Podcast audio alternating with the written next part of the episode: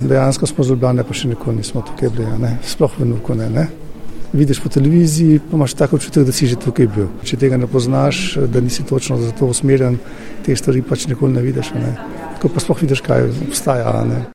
Tako je gospod Tesovnik doživljal ogled velike čitalnice Narodne in univerzitetne knjižnice, kjer so skrbniki predstavljali pridobitve knjižničnih zbirk v preteklem letu.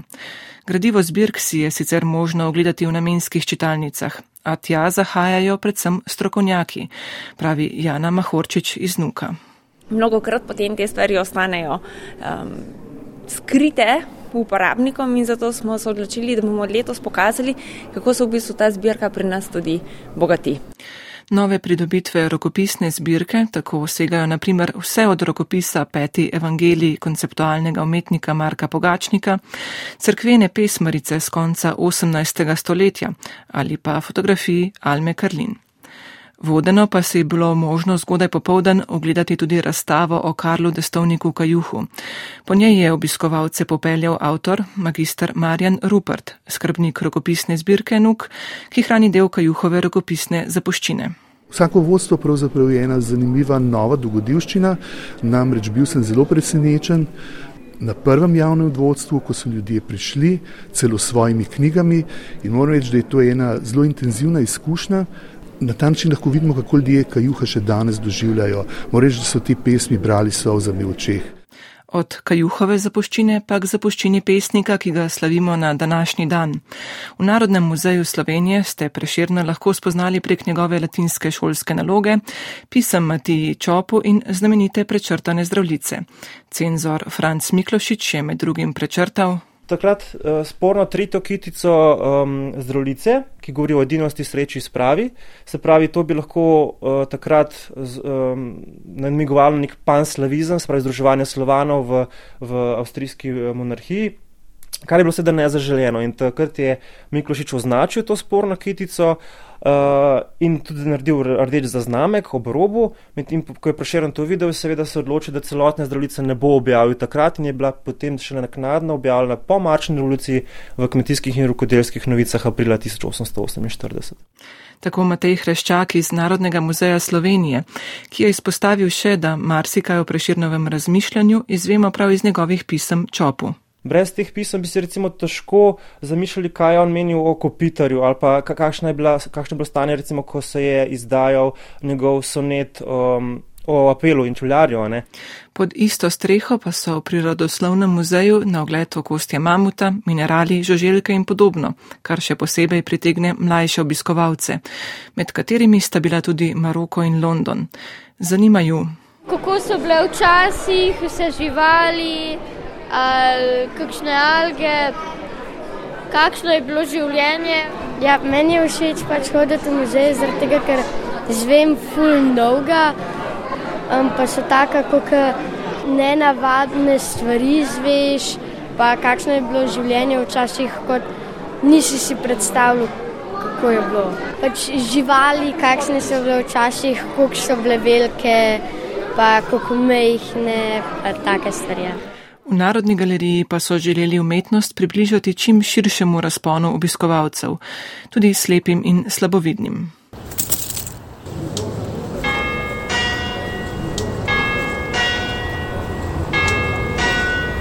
Tukaj imaš potko, ne? Potko, ja. Pa tako sneg ob strani, veš. Aha, pa drevo, pa še eno drevo. Čakaj, ampak veš kaj ne razumem? A sam tole je streha crkve. Ja, ja.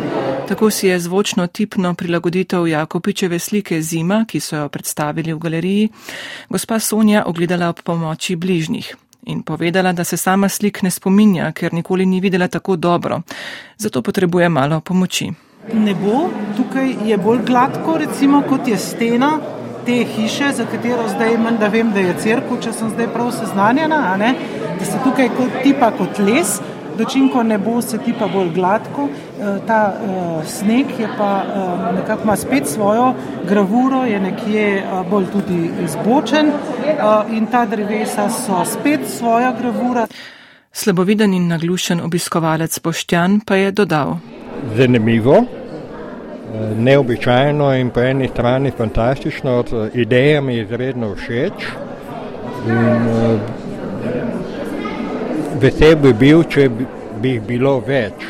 Prilagoditev sta v okviru študijskega programa Inkluzija v vzgoji in izobraževanju na Pedagoški fakulteti Univerze v Mariboru pripravili Hanna Kovač in Barbara Škrubej, ki je o pristopu povedala. Držali smo se teh pravil, se pravi, uh, sliko smo poskušali čim bolj generalizirati, da je uh, zadeva jasno razpoznavna, da ni na sliki preveč. Uh, potem smo izbirali materijale, ki so barno kontrastni, kolikor se pač najbolj da, da se še vseeno ohrani uh, vides originalne slike. Potem, da so bile vse uh, oblike in teksture jasne, To je bilo zelo pomembno in pa seveda, da je material čim bolj asociiral na dejansko rabo oziroma ali pa da je se spominjal po neki lasnosti na dejanski element, ki je bil potem predstavljen. Hanna Kovač pa je o zvoku dodala. Največjo težavo oziroma izziv je bil, kako recimo posnet sneg in pa drevesa, kakšen zvok ima sneg in potem smo se spomnili, da bi lahko recimo v bližnjem gozdu posnele padec veje v sneg, ki ima tak značilen zvok, recimo tako smo to dobili. Širno pustno razpoloženje pa je vladalo v Slovenskem etnografskem muzeju, kjer so povdne odprli razstavo pustnih likov iz Vrbice pri Ilirski bistrici. To je recimo tisto glavno gonilo, ki mi ga vedno znova ljudje na terenu povejo, da to so stvari, ki jih oni nosijo v srcu. In zaradi tega v bistvu ta naša dediščina tako bogata, se ohranja in predvsem živi. Tako avtorica razstave, kustosinja magistrica Adela Pukl. Njene besede pa je potrdila Janja Raspor, predstavnica kulturno-turističnega društva Vrbišče Šjome Vrbica, katerega člani so poskrbeli tudi za glasbeno spremljavo. Mi se še iz otroštva spomnimo, ko so nam naši stari uh, detki, babice pripovedovali o pustu, o teh naših običajih in seveda mi se trudimo, da bi to ohranjali.